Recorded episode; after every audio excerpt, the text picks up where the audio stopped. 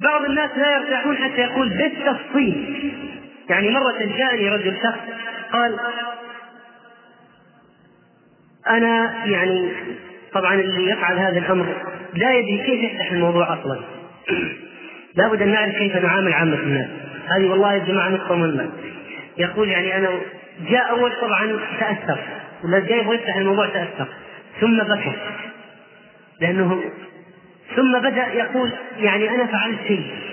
وما أدري ماذا أفعل لأن هذا الشيء في داخله مسألة ولا أدري كيف أحلها.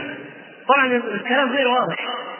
فأنت تقول له يا أخي تذكره برحمة الله وبوجوب التوبة. فقال الرجل أخي أنا مشكلتي ما تنتهي بقضية إني أتوب وأستغفر لأن المسألة وراءها أشياء.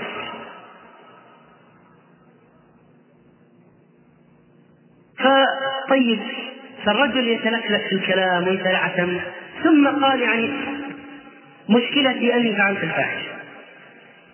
طيب ما انتهت القضية؟ ما زال السؤال حائر في ذهن الرجل. ما هو السؤال؟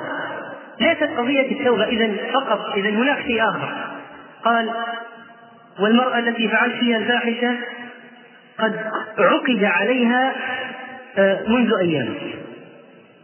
طيب المهم في النهاية قال وأنا الآن والله ما يعني ما أدري يمكنها حامل مني وستدخل في الرجل الجديد. سبحان الله يا جماعة المعصية شؤم تبقى تطارد الواحد والأسواق أسواق المعصية يعني تلسع. طبعا تلسع الصادق ولا هذاك المستهين ولا يأثر فيه لا. إيش يعني خلي. فالآن مثل هذا الرجل طيب عنده مشكلة لا يمكن أن تتحقق بقضية أنه فقط أنا فعلت الفاحشة ماذا أفعل؟ إذا عنده قضية طيب هل أخبر زوج المرأة؟ صحيح يمكن أنها حامل مني يمكن يدخل بها الآن طبعا الرسول صلى الله عليه وسلم يقول آه، من كان يؤمن بالله واليوم الآخر يعني فلا يسقي ماءه زرع غيره فلا يجوز إيش معنى الحديث؟ واحد سمع واحد مزارع عنده بستان وفي ساقية تسقي عنده البستان تذهب إلى جاره سمع الحديث لا يسقي أحد من كان يؤمن بالله واليوم الآخر فلا يسقي بمائه زرع غيره. قال أفا شلون؟ أنا أول طبق الحديث ليش ما نطبق الحديث؟ راح قطع الماء عن جاره. ليش يا فلان؟ ورفعوا الأمر رافع إلى قاضي عالم. قال أنا حديث يا أخي هذا حديث صحيح. لا لا يؤمن أحدكم حتى يسقي الماء إذا غيره. لا لا يؤمن احدكم لا يؤمن من كان يؤمن بالله واليوم الآخر فلا يسقي بماء زرع غيره. طبعا المسألة أتي من من أين أتي رجل؟ من جهله ما هو فقط الحديث صحيح. يجب أن تعلم ماذا قال. ما هو شرح الحديث؟ ما هي أقوال أهل العلم؟ طبعا الشرح أنك أنت لا تدخل بامرأة طلقت أو مات عنه زوجها ولما ولما يستبرئ الرحم. ولما تتبين براءة الرحم لأنه يمكن يكون فيها شيء من زوجها الأول فلو دخلت فيها تسقي بمائك المني زرع غيرك الرجل الأول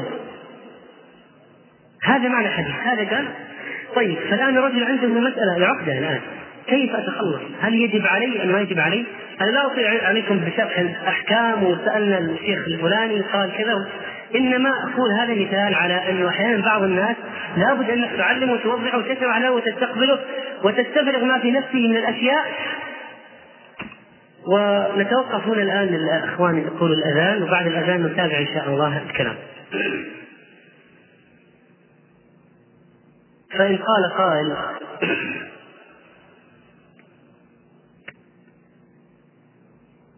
إذا نظرنا إلى الذنب نجد أن لبعض الذنوب فائدة. قد يستغرب البعض يقول كيف كيف كيف يكون للذنوب فائدة؟ طبعا أولا أقول حتى لا يفهم الكلام فهما خاطئا كون نقول بعض الذنوب لها فائدة هذا لا يعني أن نفعل الذنوب حتى نحصل على هذه الفائدة. لأنه هناك أشياء لا يجوز أصلا أن يفعلها الإنسان حتى لو ترتب عليها خير حتى لو ترتب عليها خير. بل إن من فعلها فإنه لم يحصل على خيرها. يعني إذا واحد فعل الشيء هذا لأجل الخير الذي فيه وهو أصلا محرم فربما لا يحصل على الخير أصلا. الذنوب فيها أحيانا تحدث أشياء إيجابية في النفس. الآن ما يجوز أصلا فعلها لكن وقعت حدث وقعت. عند بعض الناس يكون الذنوب لها أثر إيجابي في النفس. كيف؟ هذا الانكسار الذي يحدث للمذنب. التائب العائد إلى الله وليس المتكبر المستهين أصلا ما يحصل له خير نهائيا. هذا رجل حصل منه الذنب وتاب إلى الله. ماذا يحصل له؟ يحصل له انكسار وذلة وخضوع بين يدي الله. ويتخلص من كبر. بعض الناس يتخلص من الكبر بطريقة عجيبة. كيف؟ يكون هو إنسان مستقيم ولكن عنده كبر. ويرى نفسه أحسن من الناس وأن الناس هذول يذنبون البشر هذول هؤلاء فهو أحسن منهم ويتكبر ويتعالى عليهم. بعد فترة يقع في ذنب هو نفسه يقع في ذنب. إذا وقع في الذنب يتبين له حقارة نفسه ويتبين له قيمتها قيمتها ويتبين أيضا أن الشيء الذي كان يذم الناس به ويتعالى عليهم قد هو قد وقع هو فيه. فتذهب صفة العجب أو تكون هذه هذا الذنب فيه علاج لصفة الكبر الذي في نفسه. وأنين المذنبين؟ أحب إلى الله من زجر المسبحين المتفاخرين. أيهم أحب إلى الله؟ واحد مسبح يتعالى يتفاخر في التسبيح ويرائي به ولا إنسان انكسر بين يدي الله لذنب فعله.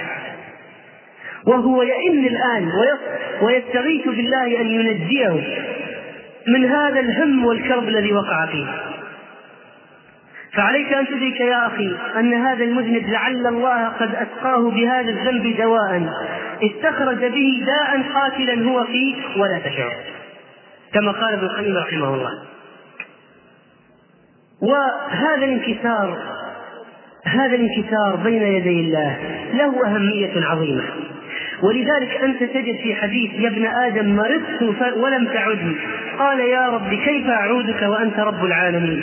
قال أما إن عبدي فلانا مرض فلم تعده. أما لو عدته لوجدتني عنده. لماذا؟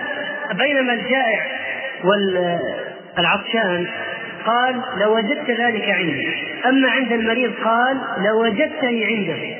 يقول ابن القيم رحمه الله معلقا قال فتأمل هذه اللفظة لماذا؟ للكثرة الحاصلة في نفس المريض من المرض.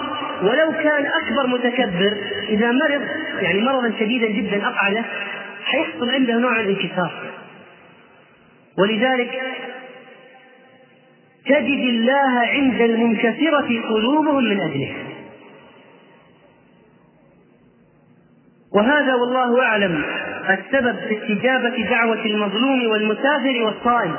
لأن المظلوم انكسرت نفسه بالظلم والصائم انكسرت نفسه بالجوع فانكسرت حدة هذه النفس السبعية الغضبية التي لا تشبع وهذا المسافر انكسرت نفسه بالغربة.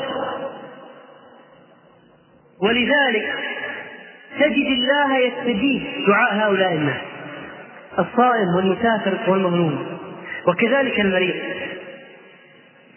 ويقول ابن القيم رحمه الله أيضا وقد يكون ذنب عند بعض الناس أعظم أثرا من طاعة. كيف؟ يقول يعمل الذنب فلا يزال نصب عينيه. الذنب هذا لا يزال نصب عينيه. إن قام وإن قعد وإن مشى ذكر ذنبه. فيحدث له انكسارا وتوبة وندما فيكون ذلك سبب نجاته ويعمل الحسنة في المقابل.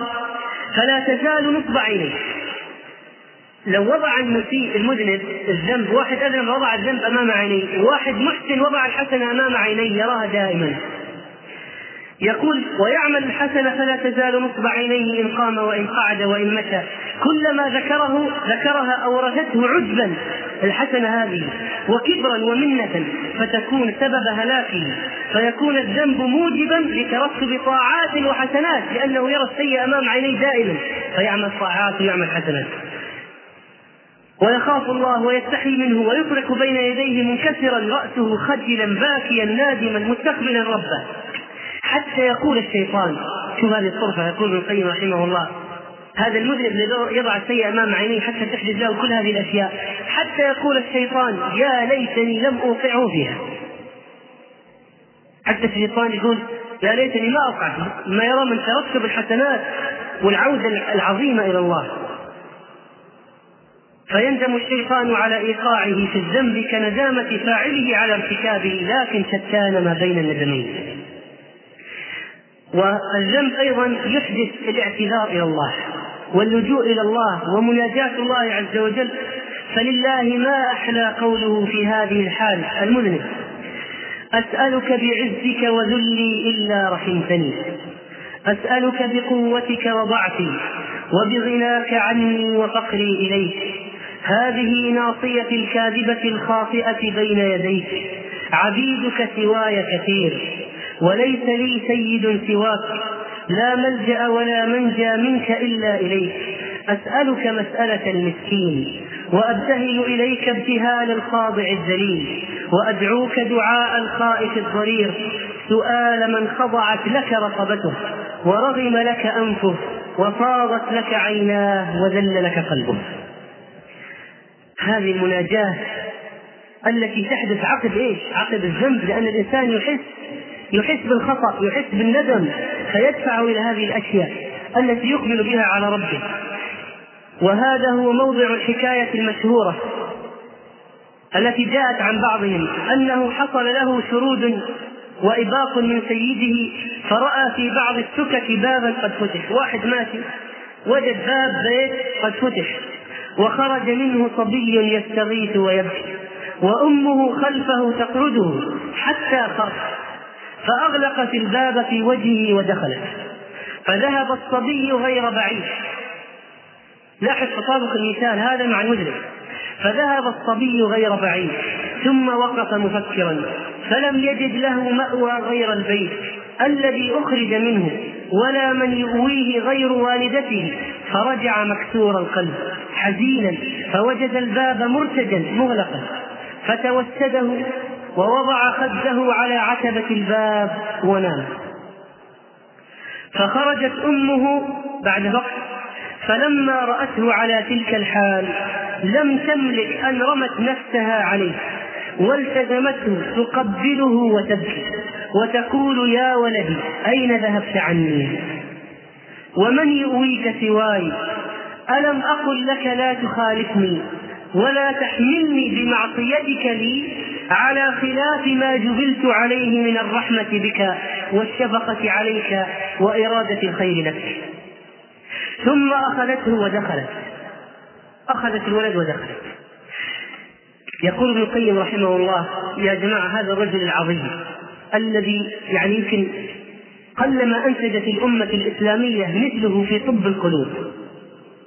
يقول فتأمل قوله صلى الله عليه وسلم لله أرحم بعباده من الوالدة بولدها وأين تقع رحمة الوالدة؟ هذه التي في القصة الآن من رحمة الله التي وسعت كل شيء.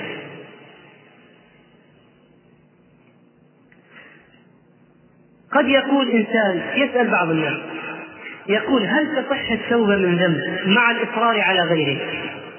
يعني واحد الآن يعمل يشرب الخمر ويزني وهو مصر على شرب الخمر لكنه امتنع من الزنا وتاب. هل تقبل توبته من الزنا؟ وهو يصر على شرب الخمر. قال ابن القيم رحمه الله بعد أن ساق اختلاف العلماء والذي عندي في المسألة أن التوبة لا تصح من ذنب مع الإصرار على آخر من نوعه. وأما التوبة من ذنب مع مباشرة آخر لا تعلق له به ولا هو من نوع من نوع فتصح مثال يوضح. كما إذا تاب من الربا ولم يتب من شرب الخمر فإن توبته من الربا صحيحة. لأن الربا لا يتعلق ليس من نوع الخمر شرب الخمر. وأما إذا تاب من ربا الفضل وبقي مصرا على ربا النسيئة هل تقبل توبته؟ لأنه ما زال مصر على نوع آخر من نفس المعصية. أو تاب من تناول الحشيشة. هذا ابن القيم يقول حشيشة ونحن نقول إيش؟ المخدرات هذه البلية. واحد تاب من الحشيشة من المخدرات وأصر على شرب الخمر. فهاتين المعصيتين من نوع واحد ولا من نوعين مختلفين؟ فلا تقبل التوبة. والحالة هذه هذا مثل واحد يتوب عن الزنا بامرأة ويصر على الزنا بامرأة أخرى. فنقول لا ما ينفع لأنه ما زال واقع في الزنا. طيب يعني مرة قابلتني واحد موظف أتكلم أنا وياه يقول لي يعني من هذا الباب يقول والله أنا أكثر السفر وهذا وأنا أنا أصارحك أني أنا آه الخمر والله ما شربتها مطلقا. بالرغم اني جلست على موائد فيها خمر. ما شربت الخمر. ولكن الصراحة ان الزنا زنيت ليش؟ يقول لي أن الخمر أريد أن أشربها في الجنة. منطق. ناس عندهم طرق عجيبة في التفكير. يقول أنا تبت من هذا لكن فإذا بعض الناس لا جبت هذا المثال لكي يوضح لا يفهم بعض الناس يقول والله ما دام الحمد لله إذا نتوب من بعض الذنوب نبقى على الذنوب الأخرى. لأن هذه استهانه مصيبة يمكن تمحق العمل كله. وقد يعدل الإنسان عن معصية إلى معصية أخرى بأسباب. فمنها إما يترك معصية ويصر على أخرى لأن الأخرى وزرها أخف. يعني يقول والله مثلا أنا تبت عن الزنا لكن ما أبغى أتوب عن النظر إلى المسلسلات والصور المحرمة. ليش؟ يقول يعني هذه اسمها أقل ولذلك أنا تبت عن هذه لكني أبقى على هذه. أو لغلبة دواعي الطبع عليها. واحد مثلا ممكن يعني يعني ممكن لا يسبل يترك معصية الإسبال لأن ليست متعلقة بشهوة كما قال أحدهم قال أنا ممكن أعفي لحيتي وأقصر ثوبي لأني ما أجد فيها مقاومة للشهوة للنفس لكن صراحة ما أستطيع أترك النظر إلى المرأة الأجنبية ليش؟ لأن نفسه تلك ما فيها مقاومة. خلاص كلمتين يسمعها يمكن أكثر شيء انتهت هذه لا فيها مقاومة للنفس فلذلك قد لا يستطيع أن يتركها. بعض المعاصي أسبابها حاضرة بين يديه. يعني يمكن مثلا بسهولة يعني يرى حط فيلم ويشغله ويراه بسهولة. لكن مثلا المخدرات يقول كيف أجيبها ومن فين أدور عليها؟ وصعبة.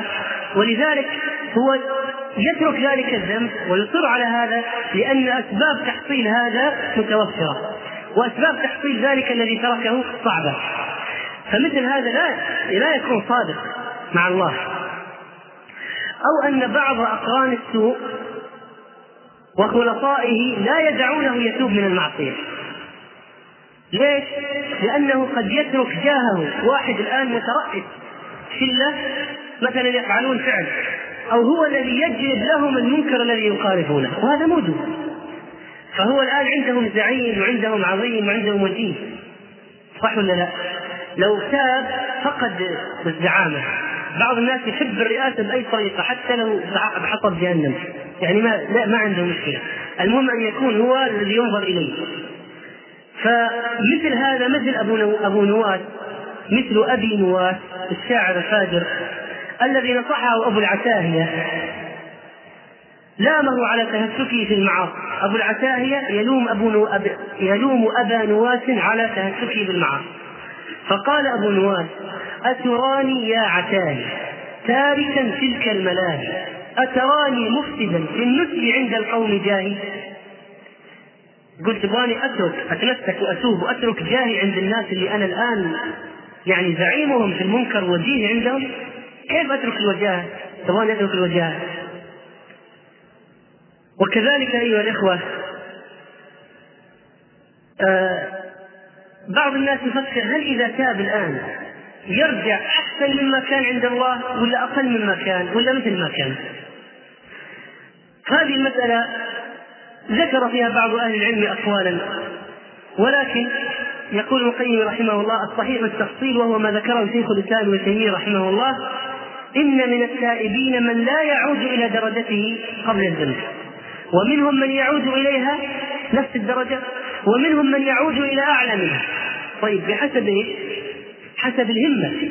لو واحد كان مستوى معين من الطاعة أذنب تاب وهذه التوبة دفعته إلى مزيد من الأعمال أكثر من أول يرجع إلى درجة أعلى.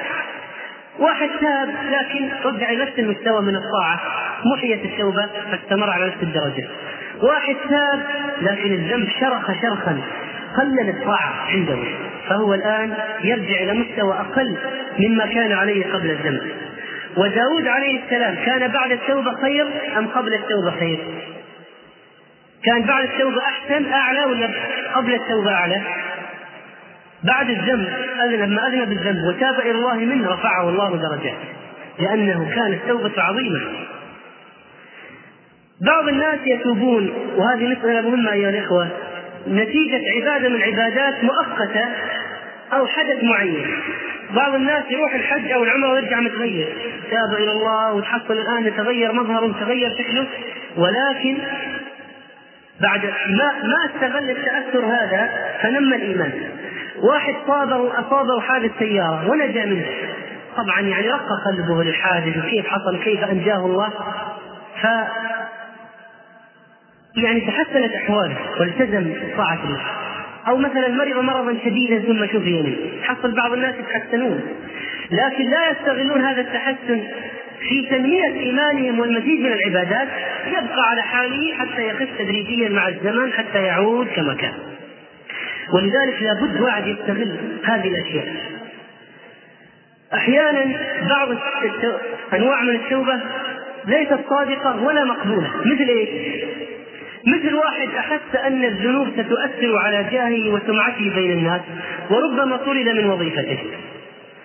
واحد يشرب الخمر ويسكر ويسكر يعني بعدين يمكن يطرد من العمل يأتي متأخر جدا وما هو صاحي وتؤثر على عمله وعلى وظيفته وعلى هذا فترك الخمر لا لله لكن حفاظا على الوظيفة. هذا توبة صحيحة رجل تاب لحفظ حاله وقوته. واحد ترك الزنا مثلا واللواط خشية مرض الإيدز والهرس مو خشية الله ليس خشية الله. هذا توبة صحيحة؟ فكر يجب أن يكون الدافع للتوبة لله لا خشية الأشياء الدنيوية. واحد راح يسرق بيت وجد ما في منفذ وجد سيارة دورية تحوم خاف ورجع. يعتبر هذا توبة توبة صحيحة؟ إنسان أخذ جاء واحد يعطيه رشوة امتنع عن أخذ الرشوة. ليش؟ قال أخاف يكون هذا الأمام اللي يعطيني الرشوة من هيئة مكافحة الرشاوي والفساد الإداري. خاف إنه ينكبني ولذلك أنا ما اخذ الرشوة. فهو ما ترك أخذ الرشوة لله وإنما خشية. ولذلك يا جماعة يركز المسؤولون الصالحون دائما على قضية الرقابة الذاتية لأنها هي التي تكفل استقامة الناس. لو أن بعض الناس مثلا يتوبون إلى الله بعد حصول شيء عندهم يفقدهم القدرة على المعصية. واحد كاذب أصيب بشلل في لسانه ما عاد يستطيع أن يتكلم ولا يكذب أو زاني فقد القدرة على الوقاع أو سارق فقد أطرافه في حادث.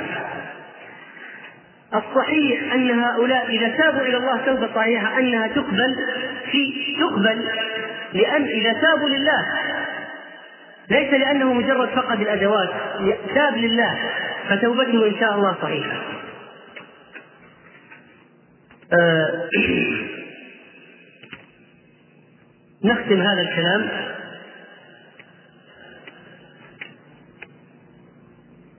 بتذكرة.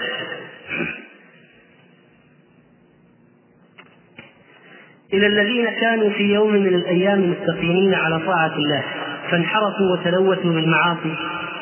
فرجعوا إلى أنفسهم رجعة تذكروا فيها جمال الماضي وحلاوة الإيمان التي سلبوها فتشوقت أنفسهم للرجوع. إلى هؤلاء الناس الذين كانوا مستقيمين ثم فعلوا أشياء وهم يسوقون للعودة إلى الماضي وربما لا يعودون لأسباب. وهذا الموضوع بالذات قضية الانتكاس وظروفه وما هي الأسباب والعلاج وحال الناكس على عقبيه. قد ذكرناها في محاضرة منفصلة بعنوان لا ترتدوا على أدباركم. هذا الشخص إلى هذا الشخص نقول هذا الكلام الذي ذكره ابن القيم رحمه الله. وصاحب هذا المشهد يشهد نفسه كرجل كان في كنف أبيه يغذيه بأطيب الطعام والشراب ويلبسه أحسن الثياب ويربيه أحسن التربية. ويعطيه النفقة وهو القيم بمصالحه كلها. فبعثه أبوه في حاجة له. الأب بعث الابن في حاجة له. فخرج عليه على الولد في طريقه عدو فأسره وكتفه وشد وثاقه ثم ذهب به إلى بلاد الأعداء فسامه سوء العذاب. وعامله بضد ما كان أبوه يعامله به فهو يتذكر تربية والده وإحسانه إليه الفينة بعد الفينة فتهيج فتهيج من قلبه لواعد الحسرات كلما رأى حاله ويتذكر ما كان عليه وكل ما كان فيه فبينما هو في أسر عدوه يسومه سوء العذاب ويريد ذبحه في نهاية المطاف إذ حانت منه التفاتة نحو ديار أبيه. فرأى أباه منه قريبا فسعى إليه وألقى نفسه عليه وانطرح بين يديه يستغيث يا أبتاه يا أبتاه يا أبتاه انظر إلى ولدك وما هو فيه ودموعه تسيل على خديه قد اعتنقه والتزمه وعدوه في طلبه حتى وقف على رأسه. وهو ملتزم لوالده ممسك به. فهل تقول إن والده يسلمه مع هذه الحالة إلى عدوه مرة أخرى؟ ويخلي بينه وبينه. تظنون هذا يا جماعة؟ فما الظن بمن هو أرحم بعبده من الوالد بولده ومن الوالدة بولده؟ إذا فر عبد إليه وهرب من عدوه إليه وعدكم ما في طريق الاستقامة الشيطان يستحوذ عليه ويحرف عن سبيل الله. ثم يبصر طريق الهداية مرة أخرى. يريد أن يرجع. إذا رجع إلى الله رجع صادقة وصحيحة تظنون أن الله يسلمه إلى الشيطان مرة أخرى إذا كان صادقا. إذا فر عبد إليه وهرب من عدوه إليه وألقى بنفسه طريحا ببابه يمرغ خده في ثرى أعتابه باكيا بين يديه. يقول يا رب يا رب ارحم يا رب ارحم من لا راحم له سواك ولا ناصر له سواك ولا ولا موي له سواك ولا مغيث له سواك. مسكينك وفقيرك وسائلك ومؤملك لا ملجأ له ولا منجأ منك إلا إليك. أنت معاده وبك ملاذه. يا من ألوذ به فيما اؤمله ومن أعوذ به مما أحاذره. لا يجبر الناس عظما أنت كاسره ولا يهيبون عظما أنت جابره.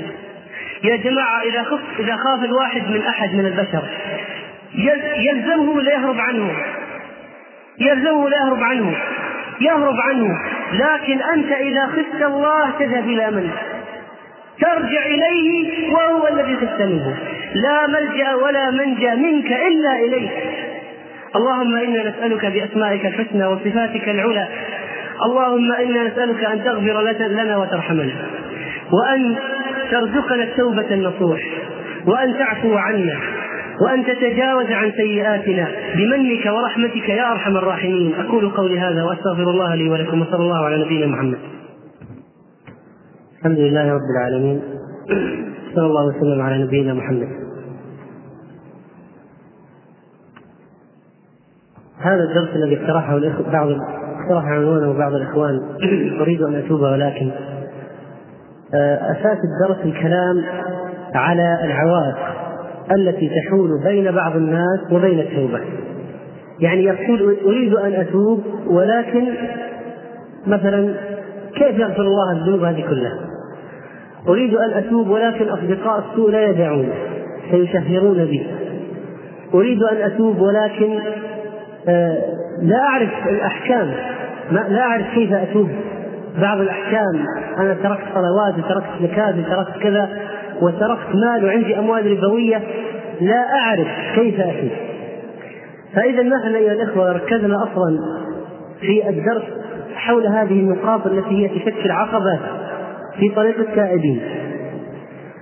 أو أمور تزيل ذلك الحرج الذي لا يجعل الشخص ينتج في المجتمع المسلم نتيجة الكابوس الذي يبقى فوق رأسه. أريد أن أذكر بعض الأحكام قبل أن تأتي الأسئلة لأن الأحكام التي سنذكرها ربما تجيب أصلا عن بعض الأسئلة المطروحة.